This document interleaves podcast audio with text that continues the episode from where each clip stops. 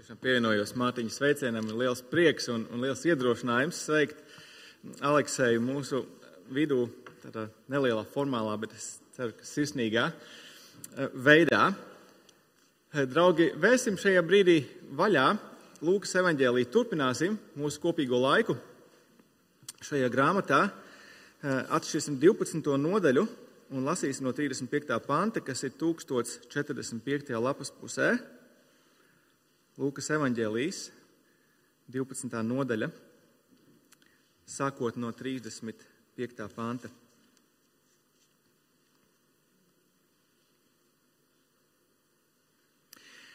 Lai jūsu gurni ir apjosti un jūsu lāpas degošas. Esiet līdzīgi cilvēkiem, kas gaida savu kungu no kāzām pārnākam, lai tūdaļ tam atvērtu durvis, kad tas nāks un klauvēs. Laimīgi tie kalpi, kurus kungs pārnācis atradīs nomodā. Patiesi es jums saku, viņš apjozīs priekšautu un nosēdinās tos un apstaigādams visus apkalpos. Un ja viņš nāks otrajā nakts sardzē un trešajā nakts sardzē un atradīs tos nomodā, laimīgi tie. Jau saprotiet, ja nama saimnieks zinātu, kurā stundā zaglis nāks, viņš neļautu tam ielausties savā namā. Esiet arī jūs gatavi, jo cilvēka dēls nāks stundā, kad jūs viņu negaidāt. Tad Pēters jautāja, kungs, vai tu šo līdzību stāsti tikai mums vai, vai visiem? Un kungs teica, kurš tad ir uzticamais un saprātīgais namturis, ko kungs iecēlis pār saviem kalpotājiem, lai tas laikus izdalītu tiem pienākošos barību? Laimīgs ir tas kalps, kuru kungs atnācis atradīs tā darām. Patiesi es jums saku, viņš to iecels pārvaldīt visu savu īpašumu. Bet, ja kalps savā sirdī sacīs, mans kungs kavējas nākt, un sāks sist kalpus un kalpones, sāks ēst un dzert un piedzersies, tad šī kalpa kungs nāks tajā dienā, kad tas negaidīs, un tajā stundā, kad nezinās, un pāršķels viņu pušu un liks viņa daļu ar neticīgajiem. Bet tāds kalps, kurš zinādams sava kunga gribu, nebūs sagatavojies vai darīs pēc viņa gribas, saņems daudz sitienu. Bet tas, nezinā, kas nezinādams darīs to, par ko pelnījis sitienus, tas saņems maz. No ikviena, kam daudz dots, daudz prasīs, un kam daudz uzticēts, no tā prasīs, vairāk atprasīs. Uguni es esmu nācis mest uz zemi, un kā es vēlētos, ka tā jau degtu, bet ir kristība, kurā man jātop kristītam, un cik es esmu saistīts, kamēr tā piepildīsies. Jums šķiet, ka es esmu ieradies nest mieru uz zemes. Nebūt nē, es jums saku, bet šķelšanos. No šā laika pieci vienā namā sašķelsies trīs pret diviem, divi pret trim. Tēvs stāsies pret dēlu, un dēls pret tēvu, māte pret meitu, un meita pret māti, vīra māte pret vedeklu, un vedekla pret vīra māti. Tas ir kunga vārds. Pirms mēs to padomājam, vairāk lūksim.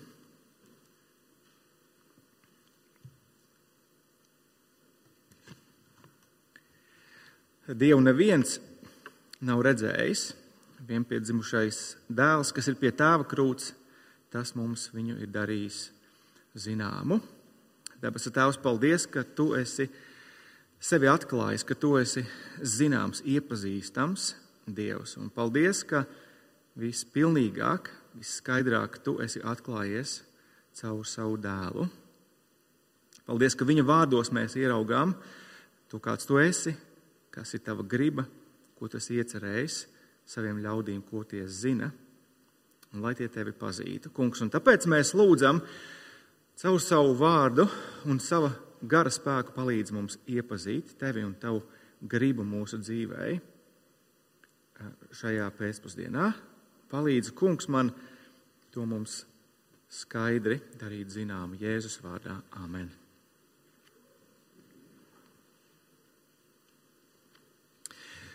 Jūs jau droši vien būsiet piefiksējuši, ka šajās nedēļās, svētdienās, mēs domājam par to, kā mēs kā kristieši augam, kāda izskatās veselīga izaugsme. Pastāv uzskats, ka viss, kas ir veselīgs, tas aug. Patiešām Dieva radītajā kārtībā mēs to varam novērot. Gan, gan augu, gan dzīvnieku pasaulē, un, un cilvēks nav izņēmums. Aug viss, kas ir veselīgs. Turklāt cilvēki šajā laikā tik izmisīgi grib zināt, kā turpināt palikt veselīgiem. Vispār pieņemtā patiesība ir šāda.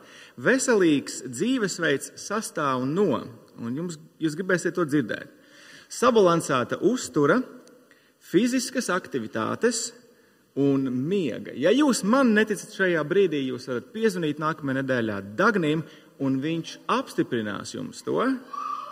Ja tu grauzīsi burkānu, nu, regulāri nūjosi un iesi gulēt pirms 12. naktī, tev ir cerība. Tev ir cerība. Bet kā ir ar mūsu garīgo izaugsmi?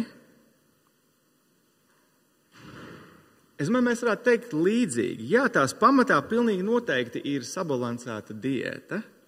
Viss Dieva vārds, Veselīgai garīgai izaugsmai ir vajadzīga fiziska aktivitāte. Mums ir jāpraktizē draudzē eh, un pasaulē tas, ko Dievs mums ir darījis zinām, ko Viņš mums ir atklājis.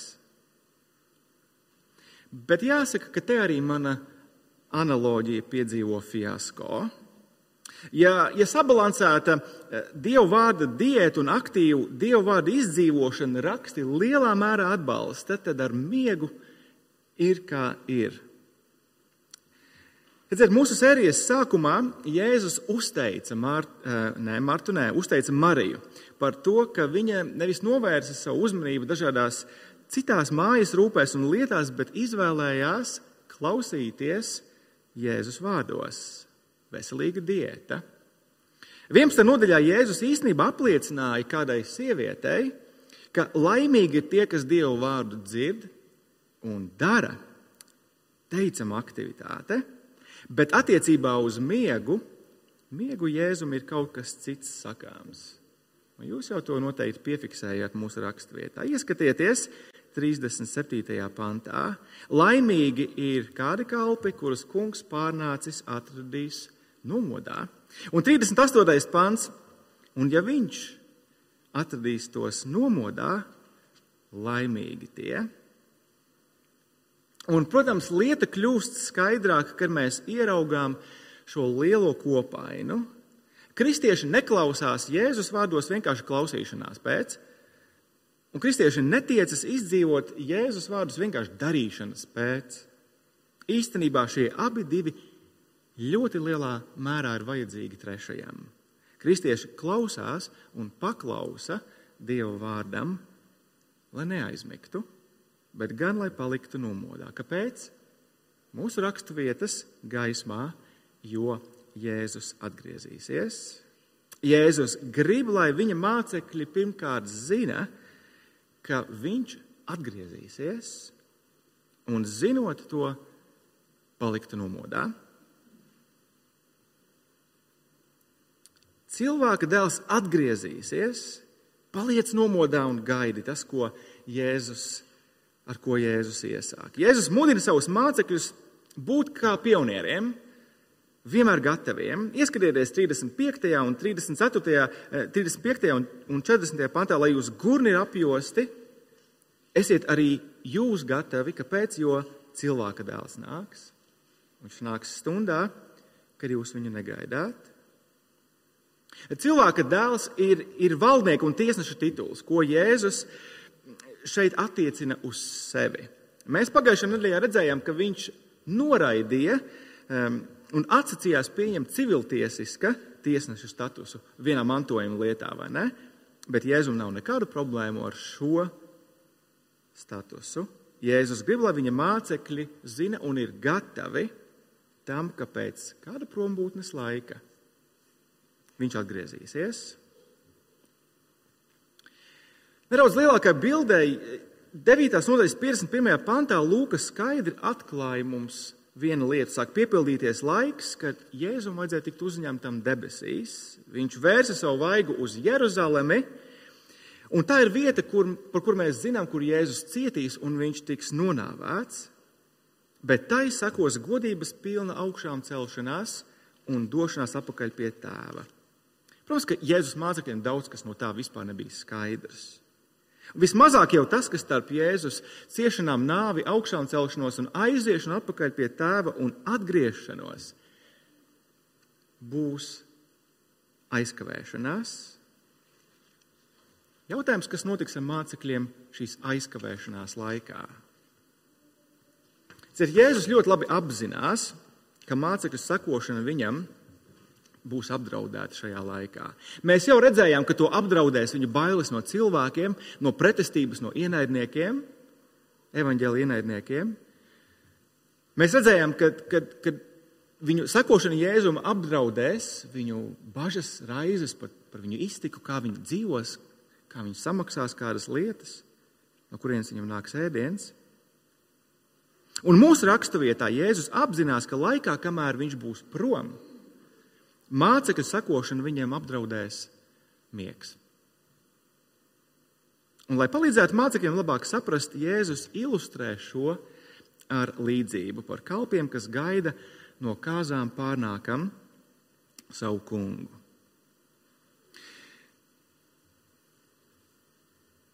Edziet, kāzas tajā laikā, tajā kultūrā, šīs kāzas varēja ilgt milzīgi ilgu laiku. Nevis milzīgi, bet nu, katrā ziņā mums šķiet ļoti ilgu laiku, līdz pat nedēļai. Mums tiešām to ir grūti iztēloties, jo, jo laikā, kad, kad vēl svinēja kāzas, ja, tad, tad to darīja dienu, nu maksimums divas. Lai arī es atminos, kad savā laikā kā jaunietis es kalpoju, kādās, eh, strādāju kādās kāzās, diezgan lepnās kāzās, kur līgavains pēc otrās dienas izdomāja, ka jāturpina vēl trešo dienu svinēt. Un, un tas bija tur bija tāda viesi un tāds līgavains, kuriem iespējams, kuru īpašums tiešām apsaimniekoja vesela komanda ar cilvēkiem, nu, tad viņi varētu būt diezgan līdzīgā situācijā tam, par ko Jēzus šeit runā mūsu raksturvietā, par, par kalpiem, kas nezina un kas gaida savu kungu pārnākam no kāzām. Un viņiem bija jābūt gataviem. Un ko kalpiem nozīmēja būt gataviem? Ieskatieties 37. un 38. pantā.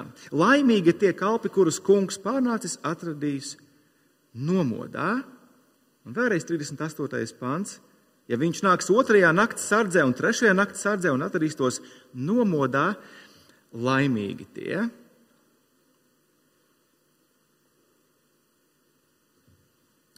Jāatcerēsimies, ka Jēzus šeit stāsta līdzību. Ja? Līdzība sīkumiem bieži nepievērš burtisku nozīmi. Šeit, šeit svarīga ir, ir galvenā doma. Mēs kādreiz varam teikt, jā, bet nu, kurš tad, kurš tad no kāzām nāk mājās naktī? Tam nav nozīmes. Lielā doma ir šāda. Kalpi zināja, ka kungs pārnāks. Viņi zināja to. Viņi vienkārši nezināja, kurā brīdī viņš pārnāks. Un tāpēc viņiem bija jāpaliek nomodā.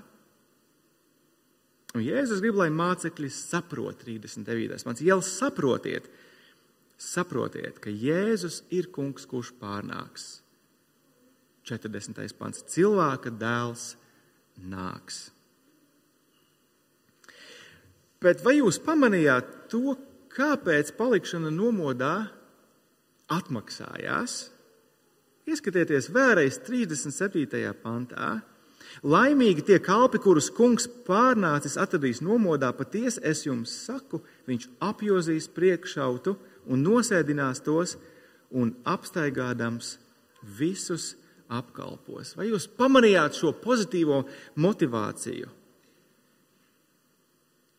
Jēzus runādams tādā izteiktā nākotnes, tālā, tālā nākotnes formā, dabas nākotnes formā, pasaka, ka tā būs vieta, kur kalpo Jēzus tur būs pats lielākais kalps, cik apbrīnojami. Visa visuma radītājs tajā dienā apsēdinās savus kalpus pie svinību galda un pats apkalpos Es nezinu, vai jūs kādreiz esat bijuši situācijā, kur jums liekas, ka jūs apkalpo absolūti nepie, statusā nepiemērots cilvēks. Viņam būtu jāsēž tur galda galā, un visiem būtu jāapkalpo viņš, bet viņš šajā brīdī apkalpo jūs. Iespējams, jums ir bijusi tāda pārdabiska situācija. Un lūk, par ko Jēzus runā. Tā būs debesīs. Cik brīnišķīga motivācija palikt nomodā un gaidīt šo kungu pārnākam. Vai ne? Jēzus gribēja, lai mācekļiem Jēzus atkal atnākšana ir reāla, lai viņi ir motivēti palikt nomodā, gaidot uz Jēzus otro atnākšanu. Jautājums mums ir, cik reāla mums ir Jēzus otrā atnākšana? Reizi. Cik mums tā ir reāla? Vai mēs gaidām uz Jēzus otru atnākšanu ar prieku, ar, ar nepacietību, ar ilgām? Vai arī kādreiz patiesība un mācība par to, ka Jēzus tiešām nāks otrais, viņa paliek kaut kur mūsu ļoti svarīgās dzīves fonā, kaut kur attāla. Viens no, viens no ievērojamākajiem mācītājiem 19. gadsimta Anglijā, šad un tad citātais eh, bīskaps Rails, ļoti, ļoti izmeklējoši raksta par šo. Patiesam kristietim ir nevien jātic Kristum, nevien jāmīl Kristus, bet arī jāilgojās pēc Kristus atnākšanas. Ja viņš no sirds nevar pateikt, nāc, kungs, Jēzu, tad kaut kas nav kārtībā ar viņa dvēseli. Veselīga un, un augoša kristieša pazīme ir dievvvārda klausīšanās un darīšana, lai paliktu nomodā un sagaidītu to, kurš runā. Sagaidītu kungu Kristu. Pārnākam. Bet kā izskatās šī palikšana nomodā? Pirmajā brīdī tā, tas izklausās tā pasīvi, vai ne? Palikt nomodā nozīmē negulēt, pēc definīcijas. Un tas ir pasīvi. Un mēs jau zinām, cik, cik, ne, cik, cik neiesnausties īstenībā ir, ir grūti bieži vien. Ko jūs kādreiz darat, kad esat paņēmuši grāmatu rokās vakarā un jūs gribat pavadīt tiešām saturīgu laiku, palasot kādu brīdi, un tad jūs sākat knābāt šo grāmatu? Kas jums palīdz? Man vismaz palīdz, tad, ja man paralēli kaut kas uzkožams ir. Ja man kustās mute, tad man kaut kas darbojās arī prāts, turpina uztvert es turpinu uztvērt. Un kas palīdzēs neiesnausties svētdienas laikā? Citiem cilvēkiem tas īstenībā ir rakstāmais un piezīme lapa rokās, ar ko viņi var kaut ko, kaut ko pierakstīt paralēli. Labi, ja, ja, ja pazīmēšana palīdz, arī variet pazīmēt, bet neiesnausties kādreiz nav nemaz tik vienkārši, vai ne? Kā izskatās palikšana nomodā? Un tā otrā lieta, manuprāt, ko Jēzus pasaka šeit, ir, ka palikšana nomodā ir īstenībā ļoti darbīga. Cilvēka dēls jau nāk, sagatavojieties, darbojieties atbildīgi, būt nomodā gaidot Jēzus atnākšanu. Otrakārt nozīmē būt iesaistītiem, darbīgi iesaistītiem kalpošanā Jēzum. Ar 41. pantu mēs redzam, Jēzus sāk par to runāt, bet pirms tam Pēters, apustulis Pēters, ir nedaudz apjucis. Viņš saka, Jēzu, bet, bet pag, kā mēs iedarbojamies šajā stāstā? Kungs, vai tu šo līdzību stāsti mums vai visiem cilvēkiem? Un Jēzus pretjautājums 41. pantā ir kā atbild uz Pētera jautājumu. Ieskatieties 42. pantā. Kurš tad ir tas uzticamais un saprātīgais namturis, ko kungs iecēlis par saviem kalpotājiem, lai tas laikus izdalītu tiem pienākošos barību? Jūs ievērojat, uzticamais un saprātīgais namturis, māceklis, rūpēsies par tiem, kas ir viņa atbildībā. Saulēcīgi izdarīs, izdalīs barību, pienākošos barību. Rūpēsies par citiem Jēzus ļaudīm. Un tāds māceklis ir laimīgs, Jēzus saka. Laimīgs nevis personiskā piepildījuma ziņā, bet gan tajā, ka viņš bauda Dieva labvēlību. labestību, kā to apraksta 44. pāns. Patiesi es jums saku, viņš to iecels pārvaldīt visu savu īpašumu. Tādā veidā laimīgs, paaugstināts. Bet es uz brīdi gribētu apstāties pie, pie 43. panta. Ieskatieties, laimīgs ir tas kalps, kuru kungs atnācis atradīs tā darām. Ziniet, Jēzus liek pie sirds visiem saviem mācekļiem, palikšana nomodā nozīmē aktīvu darbošanos un aktīvu darbošanos dieva lietās. Ja, protams, ka tas visu pirms ir tik ārkārtīgi vajadzīgs pamudinājums mums, tā, tā saucamajiem mācītājiem, pilnlaika mācītājiem, būt par uzticamu un saprātīgu eh, kalpu nozīmēs nevis kavēties pie, pie lielām un labām iecerēm, pie lieliem sapņiem un plāniem Dieva darbā, bet tas nozīmēs atrocīt piedurknes un reāli rūpēties par to, lai draudzē ir garīgi pabarota, lai draudzē ir aprūpēta, lai draudzē ir veselīga, lai draudzē var augt. Un tāpēc kaut kur jādara mudinājums draudzē, kad tā dzird šos vārdus, pirmām kārtām ir noteikti turpināt lūgt, lūgt par, par mums, par mācītājiem, vadītājiem draudzē, lai mēs turamies pie šiem vārdiem, mēs paliekam nomodā, aktīvi darbojoties, esot aktīvi. Bet redziet, ka mēs ejam tālāk pat aciņu šī, šī aktīvā mācekļa princips, viņš neapstājās tikai pie mācītājiem. Jēzus to skatu paver ļoti plašu. Tas tie ir vārdi visiem Jēzus sakotājiem, visiem Jēzus mācekļiem. Nepietiek ar to vien, ka kristieši runā par kalpošanu, runā par evanģelizāciju, runā par darīšanu. Ar labiem nodomiem un ilgām un iecerēm ir daudz par maz. Edziet, es Es varu sēdēt visu dienu divānā un dzert kafiju. Un iztēloties, cik ļoti es mīlu brāļus un māsas, cik viņi man ir dārgi, cik nodevies es esmu viņu labā. Bet ja šīm manām ilgām vēlmēm un iecerēm nesako izpausme, tad es gluži vienkārši sēžu un sapņoju ar vaļo, vaļējām acīm. Un Jēzus saka, tu īstenībā guli, tu garīgi guli, tu neesi nomodā. Un, Jēzus brīdinājumu pārfrāzējot, tad tas varētu skanēt šādi. Pielūko, vai tu esi saprātīgais un uzticīgais kalps. Neiesnaudies. Palikt nomodā nozīmē aktīvi rūpēties par maniem ļaudīm. Un, draugi, es saprotu, šeit ir zināmas grūtības, jo, jo reformāta aprindās citreiz parādās tāda instinktīva pretreakcija pret, pret darīšanas valodu. Mēs sakām, kristietība nav darbu reliģija. Mēs sakām, vienīgais darbs, kam ir nozīme, tas ir Kristus darbs. Un viņš ir attaisnojis mūs. Mums vairs nav sevi jātaisno. Mums ir jāizvairās no moralizēšanas.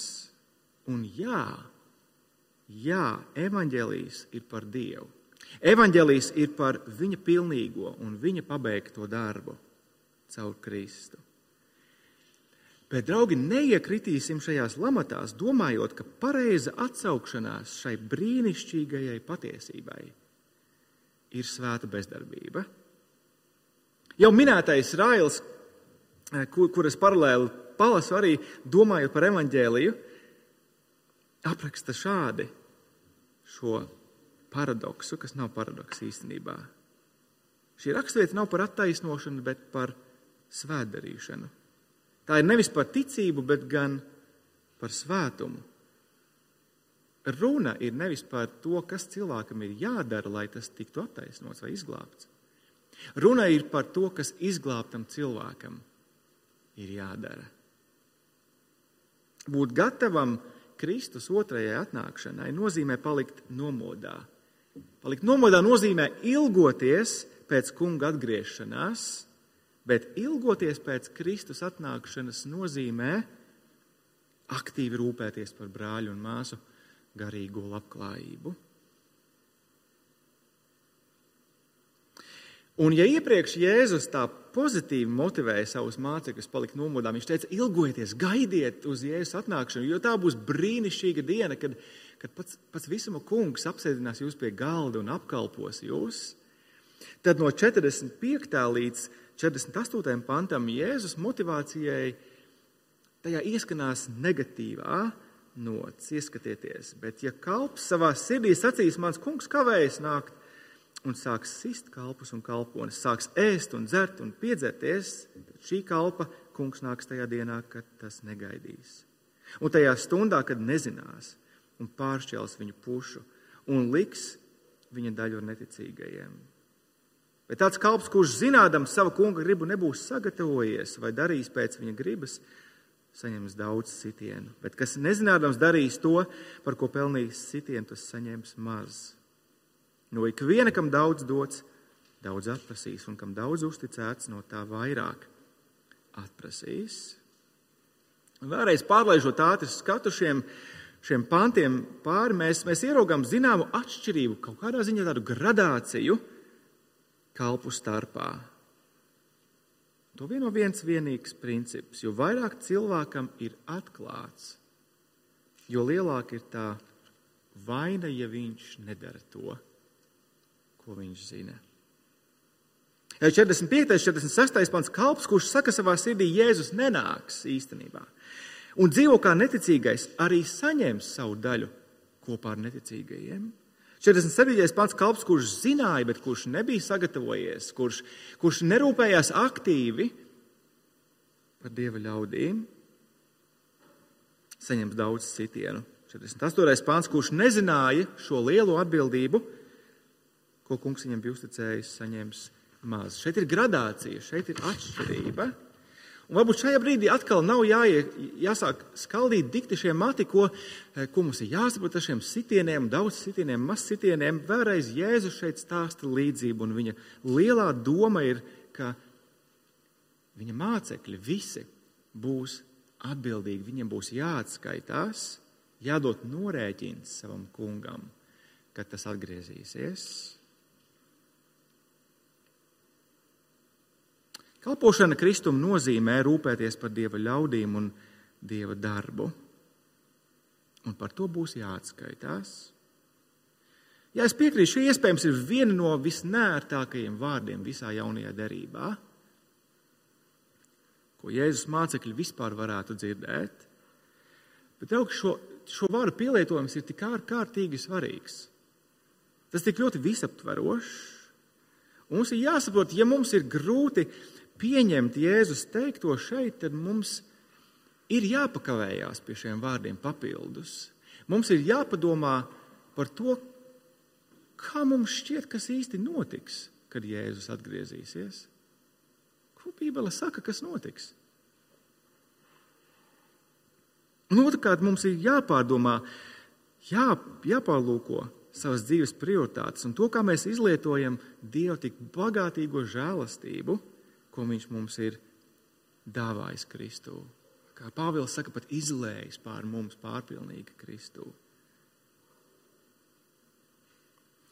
Padomāsim, draugi, no mums, kam ir Bībeles rokās atvērtas, prasīs daudz vairāk nekā no tiem, kas sēž baznīcās un, jeb, un, un nekad nav piekļuvuši īsti Bībelē. Viņam, tā nav, viņam nav tā dota. No mums prasīs vairāk. Nu, mums, kas mēs dzirdam evaņģēlīju vēsti svētdienās, svētdien no svētdienas un, un par nedēļas vidu pārunājam to, nu, mums prasīs daudz vairāk nekā no tiem, kas, kas sajietos klausās kišmiša ar rozīnēm. No mums, kuru ģimenēs aug bērni, kas dzird vēsti par Jēzu, no mums prasīs daudz vairāk nekā no tām ģimenēm, kur neviens nekad par Jēzu neko nav dzirdējis. Ik viens, kam ir uzticēta jebkāda veida atbildība, darīs ļoti labi pārdomājot šo. Cik daudz vairāk tas nāks par labu mums, kas esam iecelti, kas, kas esam atbildīgi rūpēties par Dieva ļaudīm un, un Dieva darbu.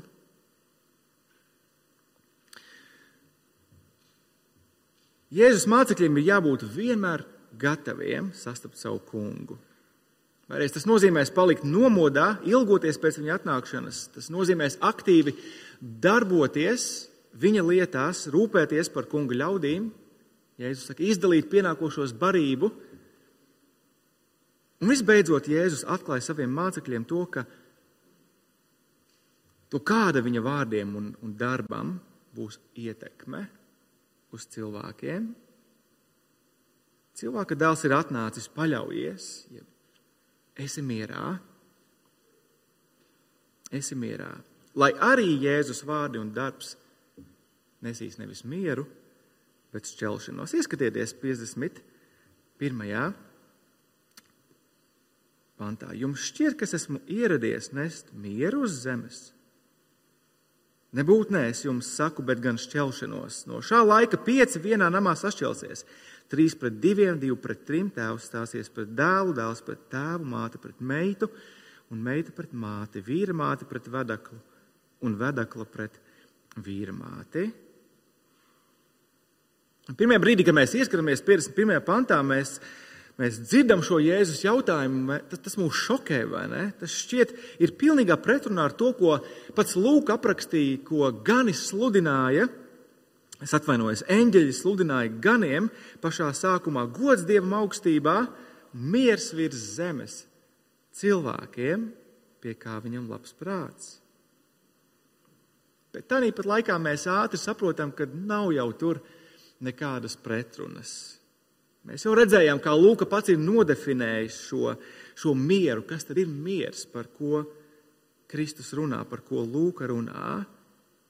Tas ir miers ar Dievu, kas ir grēku piedošana tiem, kas pareizi atsaucās Jēzus vārdiem, proti, atgriežas no saviem grēkiem. Jā, šādiem būs miers, bet tiem, kas neatsaucās Jēzus vārdiem pareizi, nekāda miera nevar būt.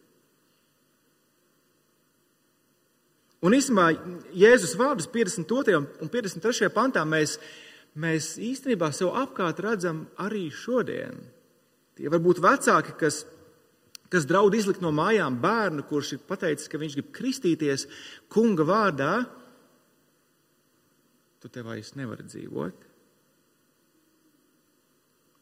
Vai, vai tas var būt vīrs, kurš aizliedz sievai piedalīties draudzes svētdienas dievkalpojumos vai, vai, vai tikties Bībeles studijās? Vai tā var būt spriedze plašākā ģimenē, kur izskan vienkārši nievājošas piezīmes par izvēlēto ticības ceļu? Dažādi veidi, bet visu to mēs ieraugām arī šodien.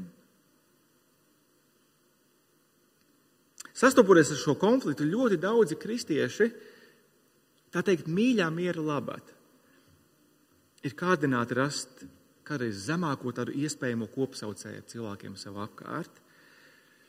Nu, nu, kas, kas ir lietas, kas mūs kā cilvēkus vispārīgi vieno? Atstāsim aiz durvīm tās, tās nērtās, tās skaļās, tās, tās strīdīgās patiesības, par Jēzus mācību, par svētumu, par tiesu, par sodu, par grēku izpirkumu, upuri, par attaisnošanu, vienīgi ticībā. Un, draugi, tas bieži realitātē nav tik vienkārši. Mēs, mēs tikko nesen šajā nedēļā mācītāju starpā, tiekoties zumā uz tādu sludināšanas darbnīcu, eh, kur viens otru iedrošina labāk augt, pārunājām par to, kā mums īstenībā pašiem iet ar mūsu neticīgiem draugiem, runājot par viņu par, par ticības lietām. Un, un viens no tiem jautājumiem bija tāds, jā, cik lielā mērā mums runāt ar mūsu draugiem ar, ar cerību, ka tā saruna turpināsies arī nākamreiz, un cik lielā mērā mēs esošo situāciju izmantojam, lai kādreiz konfrontētu ar tādām tiešām skaidrām evaņģēlīja patiesībām. Un tas nevienmēr ir tik vienkārši. Bet kāda ir mīļā miera labata cena. Tā ir liela, tā ir ļoti augsta. Kādreiz saka, arī par zeltu ir iespējams pārmaksāt miers, kas ir nopirkts uz patiesības rēķina. Tas nav miers, tā ir ilūzija. Tā ir ilūzija. Tādi kalpi notic kādreiz mūsdienu pasaules vēstījumam par to, ka visa veida šķelšanās iemesls ir tieši reliģijā. Un ar to domājot tieši kristietību, lūk, kur ir visa ienaida un šķelšanās iemesls. Ja mēs kopīgiem spēkiem mēs varētu izstumt ārā šo reliģiju, tad pasaulē valdītu miers. Bet ironiskā kārtā cilvēki, kas tā saka, paši ar reliģisku dedzību, cīnās par to, nobrucinot īstenībā to pamatu, uz kuras stāv paši. Un nē, Jēzus saka, nē, visa nemiera un šķelšanās iemesls nav evaņģēlījis. Nav. Šķelšanās un nemiera iemesls ir atrodams cilvēka cietajā sirdī. Jēzus nākšana un kalpošana, viņi vienkārši to izceļ gaismā, viņi to izgaismo. Ko Jēzus šeit dara? Par ko viņš runā šajos noslēguma pantos? Kāds no Bībeles komentētājiem šeit tik trāpīgi piemetināja? Kristus savas zemes dzīves laikā nespēlēja cilvēces izpirkuma spēlītes. Sludināšana viņam nebija nekāda spēle. Jēzus neatnāca, lai pateiktu cilvēkiem, nav īsti nozīmes tam, vai jūs ticat, ka ir kaut kas ļauns vai labs, ka ir mūžība, ka ir vajadzīgs pieņemt glābēju, vai nav vajadzīgs pieņemt glābēju. Jēzus nenodarbojās ar šādām spēlītēm. Ne Jēzus savu kalpošanu uztvēra nopietni, jo viņš uztvēra nopietni cilvēku mūžības jautājumu. Kur viņi nonāks pēc šīs zemes dzīves? Vai viņi nonāks ugunī, kur turpināsies naids, kur turpināsies šķelšanās? Vai viņi nonāks dabas mīlestībā, kur pats kungs apsēdinās viņus pie galda un viņus apkalpos? Un tāpēc Jēzus tik dedzīgi, dedzīgi augsts kaut tā diena jau, jau būtu. Ieskatieties, 49. pantā. Ugunis esmu nācis mest uz zemi, un kā es vēlētos, kaut tā jau degtu, kaut, kaut šī diena ātrāk pienāktu. Un jā, lai arī Jēzus ir atnācis mest uguni, lai attīrītu klonu, lai sadedzinātu pelavas, lai tiesātu, lai nošķirtu savus ļaudis no, no bezdevīgiem, viņš, vis, vi, viņš vispirms pats iziet cauri šai ugunī. Un tas ir, manuprāt, tas, par ko Jēzus saka 50. pantā. Bet ir kristība, kurā man jātop kristītam, un cik es esmu saistīts, kamēr tā piepildīsies. Kristība, par ko Jēzus šeit runā, ir viņa ciešanas un viņa nāve. Viņš izgāja cauri šo uguni, lai tiem visiem, kas paļaujas uz viņu, nebūtu jāiet tai cauri, nebūtu tur jānonāk. Un, draugi, tas ir tas, ko mēs pēc brīža arī svinēsim. Jēzus sirsnīgā dedzība, nodošanās cilvēku labā, viņa ciešanas, nāve pie krusta, augšām celšanās, kas sagādāja grēku piedošanu, mieru ar Dievu, izpirkumu, attaisnošanu bet līdz viņš otrais nāk, paliksim nomodā un uzticīgi ilgosimies sagaidīt mūsu kungu.